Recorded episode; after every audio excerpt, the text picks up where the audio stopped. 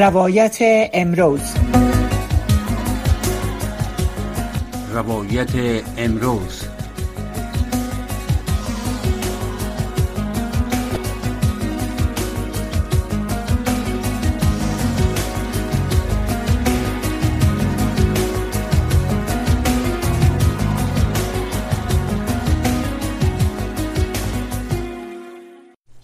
عرض سلام وقت بخیر. دارم دوستای عزیز شنونده. سهر عظیمی هستم. در نیم ساعت آینده میزبان بخش برنامه روایت امروز هستم که در برنامه روایت امروز در رابطه به دیدار مقامات وزارت خارجه ایران با مقامات وزارت خارجه عربستان سعودی بحث و گفتگویی خواهیم داشت با دو مهمان گرانقدر ما. جناب آقای طارق فرهادی تحلیلگر سیاسی و کارشناس روابط بین الملل و همچنین جناب محترم آقای عمر سمد دیپلمات پیشین و همچنین تحلیلگر و کارشناس روابط بین الملل.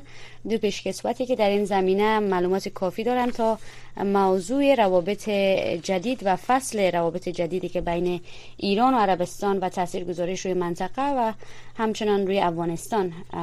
با ایشان صحبت خواهیم داشت. آقای عمر سمد تا دقایق بعد با ما میپیوندند اما آقای فرهادی را خوشبختانه در برنامه کنار خود داریم. سلام آقای فرهادی زده من میشنوین؟ سلام. خوش که با شما تشکر. سلامت باشین زنده باشین. جناب آقای فرهادی اول از موضوع غیر منتظری تا حدودی از دیدار وزرای خارجه عربستان سعودی با و حکومت جمهوری اسلامی ایران بعد از هفت سال با شما صحبت می‌کنیم. آیا فکر می‌کنین که این دیدار چه دستاوردهایی خواهد داشت و چه اتفاقاتی قرار هست بیفته که شما پیش بینی می‌کنید؟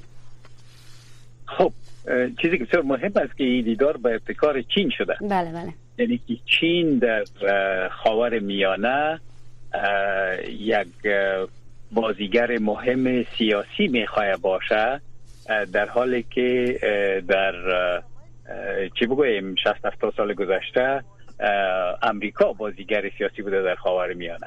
چین در حالی که در هیچ جنگ داخل نبوده در خاور میانه در سی سال گذشته متمول شده پول زیاد داره تجارتش بسیار بالا رفته و علاقه بسیار زیاد داره به گاز در ایران به خاطر که ایران دومین کشور تولید دومین کشور است که ذخیره گاز داره در بله. دنیا. بله. اما چون زیر تعذیرات است گاز استفاده نشده و بسیار علاقه داره به نفت عربستان سعودی. و علاقه داره که نفت به یوان بخره یعنی به واحد پولی خود و نه به دلار به خاطر حال نفت به دلار فروخته. پس چین در هر دو کشور منافع استراتژیک داره. در هیچ کدام از این کشور در جنگ نبوده و از این روابط خوب خود استفاده کرده و تقریبا هر دو حریفه. با فشار یا بدون فشار یک جای ساخته و بله. خواسته که با همدیگه صلح کنن و سفارت های خود دوباره باز کنن به خاطر بله. که سفارت عربستان سعودی در تهران با آتش کشی داشته بود چند سال پیش بله. اجازه بدین آقای فرهادی که به آقای عمر سمد هم خوش آمدید بگوییم به برنامه بسیار خوش آمدین آقای سمد آقای سمد از دیپلماتان پیشین و همچنین کارشناس و تحلیلگر روابط بین الملل هستن از پیشکسوتانی که در زمینه روابط بین الملل از ایشان زیاد آموختاره. میشه که آدم بیاموزن آقای عمر سمد بسیار زیاد خوش آمدین به برنامه. سلام به شما فرادی صاحب و شنوندگان شما. تشکر. زنده باشین. سلامت باشین. جناب آقای سمد آقای فرهادی اشاره داشتن به منافع استراتژیک چین به خاطر به, به میز کشاندن ایران و عربستان سعودی در حال حاضر. در طرف مقابل این معادله ایران و عربستان از نشست و از میانجیگری چین چه بهره به دست میارن به نظر شما؟ بله. خب همه می‌دانیم که این کشورها بر مبنای منافع خود ها منافع استراتژیک باشه ها منافع جیو اقتصادی باشه ها پولیتیک باشه هر شکلی که داشته باشه تصمیم می‌گیرن حرکت می‌کنن و تعامل می‌کنن. از طرف چین خب معلوم است که چین یک برنامه بسیار بزرگ جهانی داره و که بیشتر البته بر مبنای منافع اقتصادیش استوار است. و از او طریق معلوم دار نفوذ سیاسی هم کسب می‌کنه.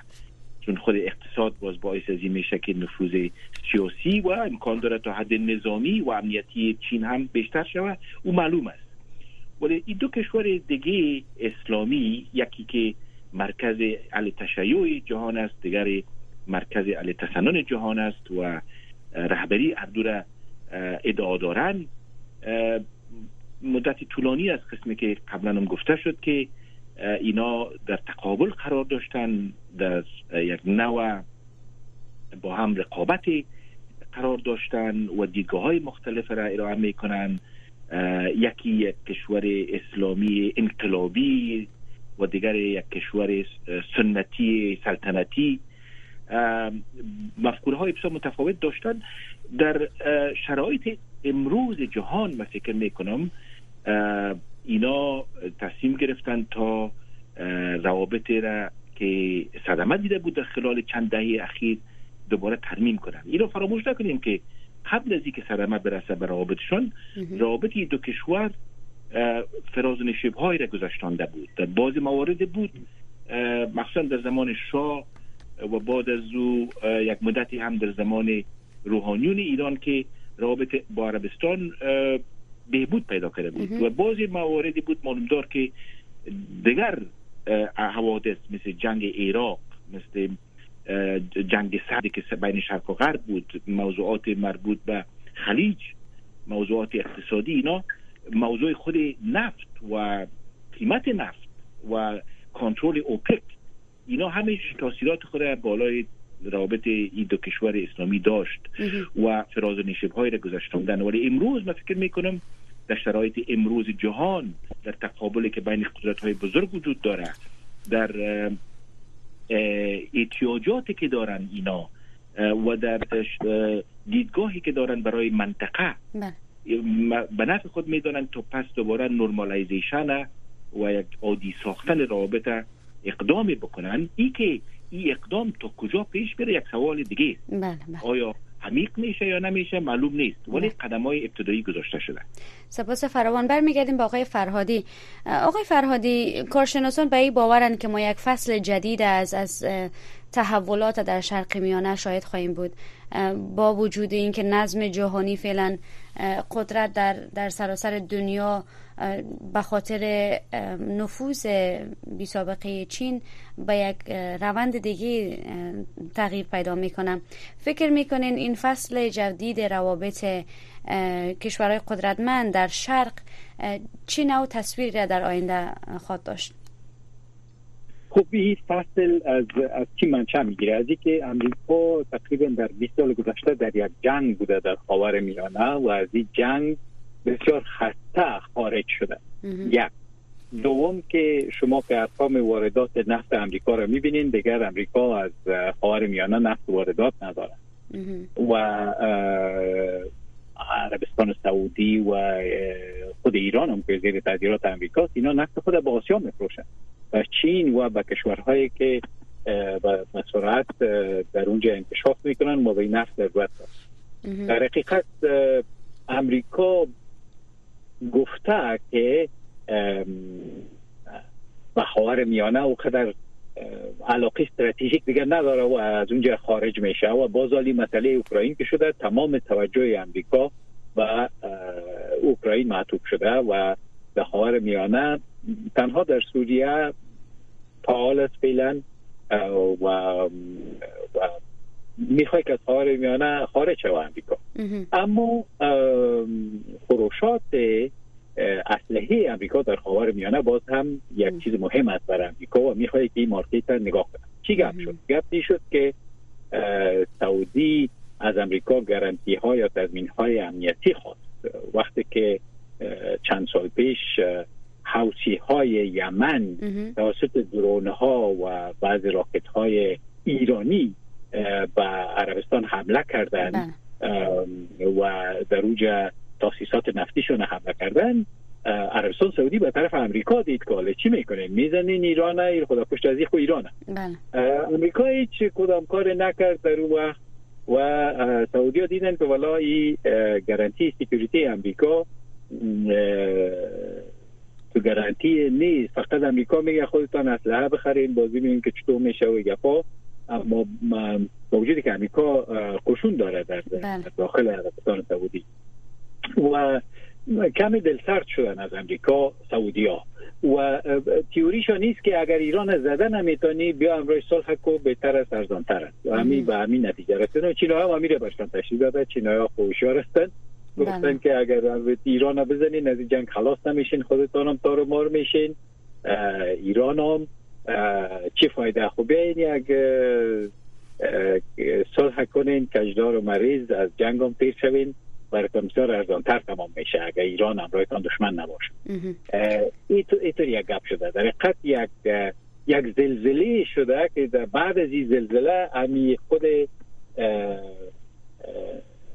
نقش جیوستراتژیک منطقه فرق کرده و امریکا اساس خارج میشه امریکا ناتو و کشورهای ناتو آل بیخی تمام توجهشان به اوکراین است که یک جنگ است که ختمش هنوز معلوم نیست بله. که ختمش هستایی باشه و پوتین اگر بسیار ضعیف شده از عصبانیت سلاح هستایی استفاده کنه یعنی امریکا در اینجا مصرف بله. و از و به میانه دیگر علاقه چندان نداره به جز از که اگه بتونه که اسلحه بفروشه و اونها هم اگر صلح کنن بازو قدر اسلحه کار نداره. سپاس فراوان. آقای سمد در رابطه به این که منافع ایالات متحده در شرق میانه تا مثل گذشته که برای ایالات متحده اهمیت داشت اهمیت ندارد. چی نظر دارین؟ فکر می‌کنین نوعیت سیاست های خارجی ایالات متحده به یک مسیر دیگر روان هست در حال حاضر؟ بله بله. یقینا. در جای شک نیست که منافع ایالات متحده و غرب در مجموع در مناطق حوزه های مختلف رقابت هایی که در, در جهان وجود دارد در حالت تحول و تغییر است. و نه تنها که از لحاظ اقتصادی و نیازمندی های اقتصادی به نفت و گاز و چیزهای منابع دیگه طبیعی در حال تحول است بلکه از لحاظ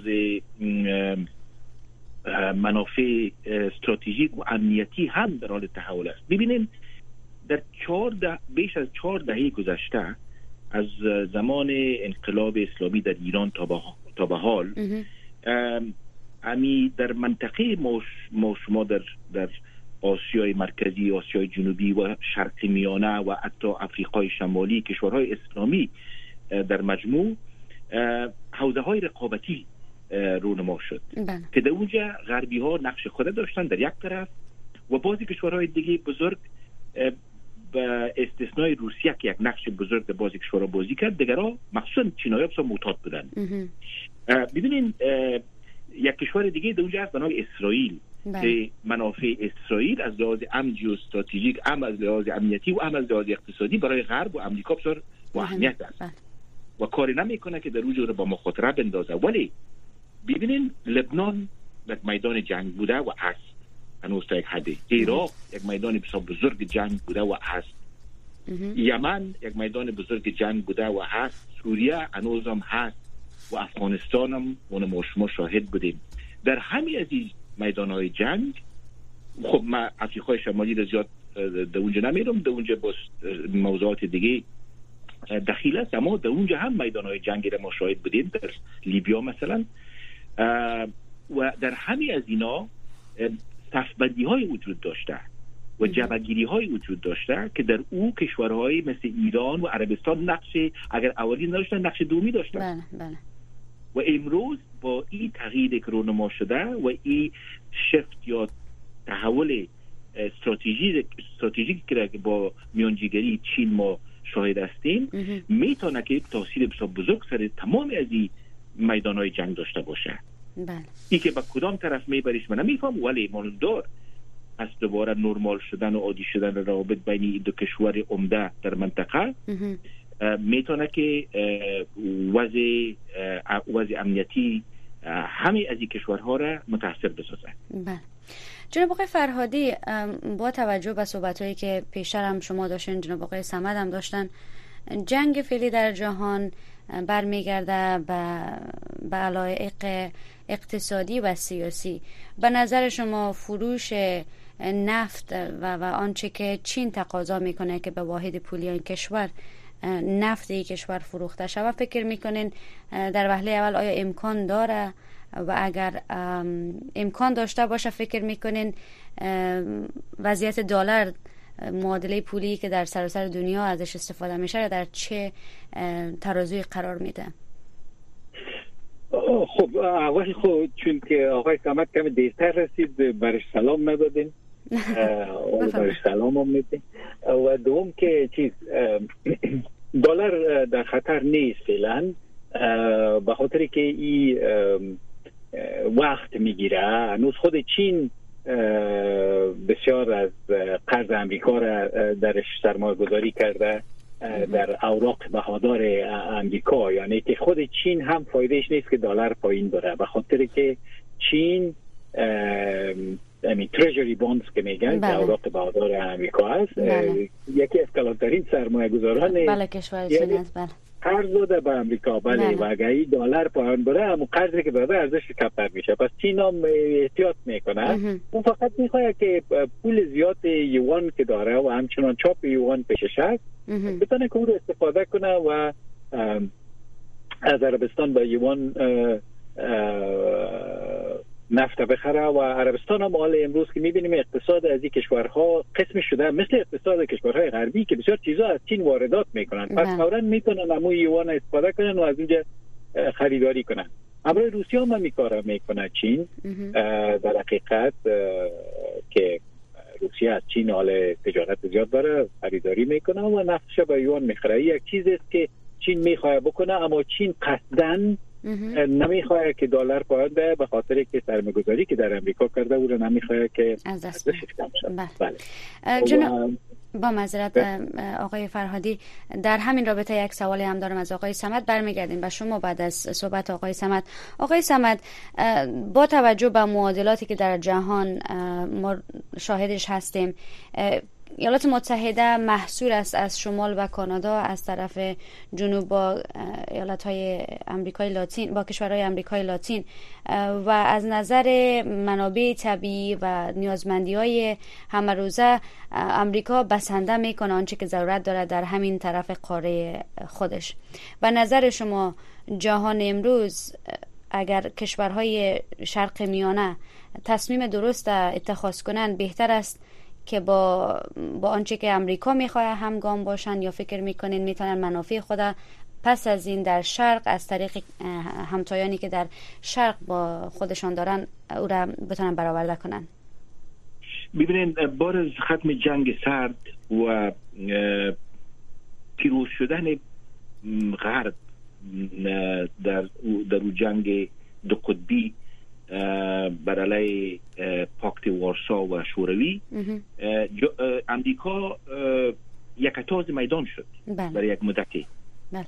ولی در خلال 20 سال گذشته مخصوصا بعد از 11 سپتامبر و جنگ های متعدد فراگیری که 17 نه ببخشید 14 تریلیون دلار مصارف کرده در این جنگ ها که البته 7 تریلیون از او در جیب شرکت ها رفته و قراردادی ها رفته بله. و یک یک یک یک سه تریلیون در افغانستان به مصرف رسید و متباقی در دیگر امی ساحات مختلف. ما شاهد از هستیم که جهان از یک قطبی شده از یک قطبی بودن برای یک مدتی به چند قطبی شدن دوان است. بله. لحاظا این یک سوال بسیار بزرگ استراتژیک پیش باز کشورهای دیگه جهان است و شمول همین کشورهایی که مدل پاور یا قدرت های میانه میگن بله. مثل عربستان بله. یکی از و ایران هم می‌تونه که بله. یک مدل پاور شمرده شود که اینا آیا هنوزم یک طرفه اتکا کنن بالای یک قطب یا در جهان چند قطبی باز توازن قوا توازن تعادل مجدد یا بله. ریبالانسینگ صورت بگیره بله بله همین ریبالانسینگ یا تعادل مجدد یک سوال از پیشروی بسیاری کشورها. یک ایده خود غیر منسلک می‌دانند و بیطرف. بله. نمی‌خواهند که آغشته شوند در همی معادلات جدید. باز یا ناگزیر هستند که باید با هر طرف flirtation یا معاشقه کنند به اصطلاح. بله، به اصطلاح سیاست خارجی هم و من فکر می‌کنم که شما شاهد ازی هستیم که کشورهای مثل عربستان ببینیم که نه تنها که با ایران flirtation و معاشقه فکر کنه بلکه حتی با اسرائیل بله. آغاز کرد بله. کشورهای خلیج با اسرائیل امروز روابط سیاسی برقرار می‌کنه بله. آنچه که در گذشته یک یک گناه بسیار بزرگ برای کل کشورهای اسلامی من بله بله. ام امروز با روسا هم دست میتن با هندوستان هم دست میتن با چین هم با امریکا هم. بله. ولی خب این تا یک حدی از خود حد و حدود داره این موضوعات. و ای که باز کشورهای بزرگ چه قسم در بر خود از اونا چی خواهد بود ای هم معلومدار تاثیر بزرگ داره سر از امی جنگ امروز که در اروپا اروپای شرقی جریان داره ای هم امی تعادل تغییر خواهد داد. بله. یعنی سرش متاثر خواهد ساخت. بله. ای که به کدام طرف تعادل تغییر خواهد داد صحیح معلوم نیست. برنده از این جنگ کی خواهد شد؟ بازنده کی خواهد بود؟ اروپا در این میان چقدر صدمه خواهد دید؟ امریکا چی نفع خواهد برد؟ نخواهد برد. امریکا در پاروی از اون مشکلات بسیار عظیم داخلی خودم داره بله. و از این کشورهای مانند چین و هندوستان و حتی ایران چی نفع می‌برن این سوالای بزرگی است که امروز پیشروی بسیاری از کشورها قرار داره بسیار خوب. آقای فرهادی اشاره آقای سمد شما هم شنیدید. به نظر شما کدام کشور در این بازی که جهان در حال چند قطبی شدن است بهترین عمل کرده تا کنون داشته؟ سوال اولم و سوال دوم به نظر شما اتحادیه اروپا چقدر در این مدت منفعل واقع شده؟ ما حرکت های بسیار بولد و پررنگ از از اتحادیه اروپا شاهد نیستیم. به نظر شما چه کمبودی ها و کاستی ها را ما در عملکرد ناتو و اتحادیه اروپا می‌بینیم؟ خب کشوری که برنده است چین بدون هیچ مصرف. آقای سمت گفتن که امریکا چقدر مصرف کرده در این جنگ ها چین بدون هیچ مصرف تانسته که بدون جنگ با حربه اقتصادی تاثیر خود در در دنیا زیاد کنه و در خاور میانه زیاد کنه و حتی دو دشمن دیرینه را بیاره در یک سر میز بشونه چین برنده بزرگ چین است و در حقیقت حتی امریکا هم از این صعود چین پریشان است. ما می‌بینیم که یک روز در تیک تاک موضوع است که تیک تاک باید قطع کنیم که چین ها کل گپای ما رو گوش می‌کنن. یک روز چین بالون روان می‌کنه در سر امریکا. تمام امریکا رو بالون از سرش عبور می‌کنه و ارتباطات الکترونیکی رو کلش چین ها گوش می‌کنن و یعنی چین کارهایی می‌کنه که در سال پیش هیچ فکر نمی‌شد که چین بتونن. ما چین حالی به جای رسیده که و امروز ایمانوئل مکرون رئیس جمهور فرانسه رفته پیش چین تضرع کرده که شما یک کار کنیم که می جنگ اوکراین خلاص شد چرا برای اروپا جنگ اوکراین خطرناک است؟ به خاطر که اول تقریبا 7 میلیون مهاجر از اوکراین خارج شده و 5 میلیونش هنوز در اروپا. که مصارف پذیر میتن و و دومش که جنگ اوکراین مثل جنگ افغانستان یا جنگ عراق یک جایی شده که در اونجا اسلحه ریخته میشه از تمام دنیا. جنگ فرسایشی است بله. میگم بیشتر شکل جنگ فرسایشی را به خود می‌گیره به مرور زمان طوری که اتفاقی که در افغانستان افتاد. تمام از این اسلحه در اوکراین نخواست ماند. این اسلحه در اروپا منتشر میشه. امروز در شهر مخته در جنوب فرانسه یک آدم که یک جواهر فروشی رو دزدی می‌کنه کلاشینکوف است میشه این اسلحه اروپا خب بسیار مساحتش کم است. این از این و, و سرحداتش هم تقریبا باز است. همه که از اوکراین از هر کسی بکشه خب اسلحه سنگینی که با اوکراین میره در اوکراین میمانه و شاید که امریکا بتونه که در آخر اگر جنگ خلاص شد از بین هم ببره مثل که در افغانستان از بین. اما کلاشینکوف و غیره ای فردا یک آدم که در روی سرک هم از کس پیسه بخواه شاید که کلاشینکوف داشته باشه. مشکل اروپایی است که صحنه جنگ شده. و اروپایی ها می‌خواین که جنگ تمام شد و اوکراین پول خواسته میره. و, و امریکا برش وعده گذاف اسلحه را می‌کنه. اما مصرف مهاجرین مصرف بازسازی اوکراین یک روز تمامش بگردن اروپایی ها تو اروپایی به این نتیجه رسیدن. در حالی که نمیگن به خاطر که عضو ناتوستن اما در خود اروپا مشکلاتی هست که امیال مظاهرات است در فرانسه. برای که از کمبود پول مکرون از فرانسه. ها می‌خواه که دو سال دیگه هم کار کنند تا سن 64 در این حال مکرون نمی‌تونه بگوید که من میلیارد دلار به اوکراین میدم. پس اینا فایدهشون است که جنگ تمام شود. و ای پوتین ایره فامیده و پوتین از جنگ سوریه گرفته تا جنگ اوکراین مهاجرین باعث حربه استفاده و در این مهاجرین که از اوکراین هم خارج شده سی نفرشان اگر تروریست باشه یا وزیر امر پوتین باشه می‌تونه که در آینده در اروپا مشکلات هست سپاس فرمان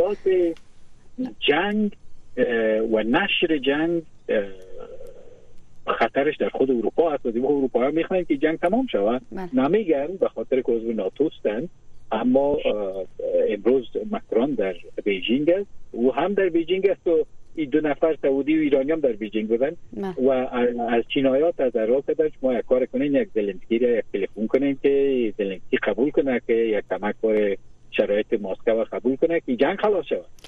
نمیگن اما گپ میگه. تشکر جناب آقای فرهادی. تا اخیر برنامه یک دقیقه دیگه تقریبا یک دقیقه دیگه فرصت داریم. از آقای سمت پرسش آخر ما در رابطه با اثرگذاری این موضوع در وضعیت افغانستان هست. اگر پاسخ کوتاه از شما داشته باشیم آقای سمت خیلی ممنون میشیم بفرمایید. سوال بسیار خوب است.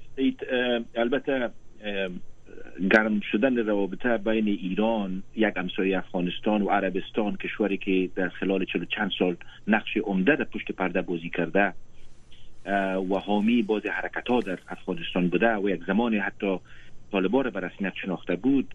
اما امروز البته تحت شرایط دیگه حکمرانی میشه در اونجا و یک شهزاده و ولیت دارن که مفکوره های جدید داره.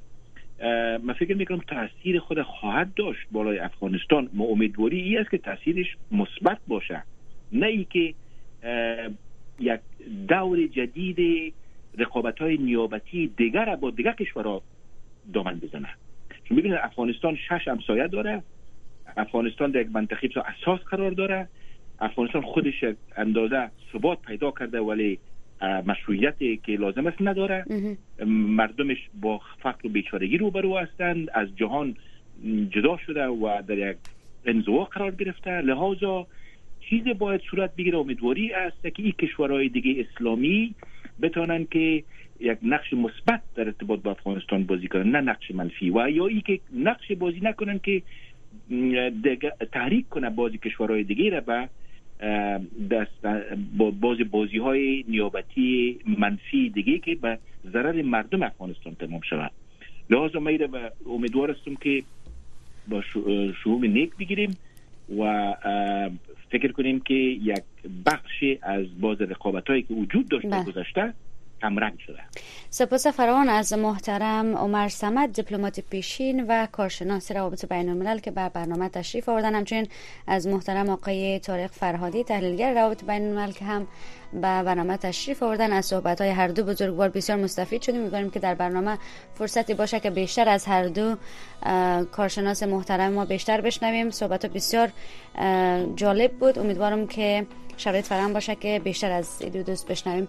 شب روزش همگی بخیر. امیدوارم که شنونده برنامه ما باشین که همکارم برنامه صدای شما رو به شما تقدیم می‌کنم. خدا نگهدار.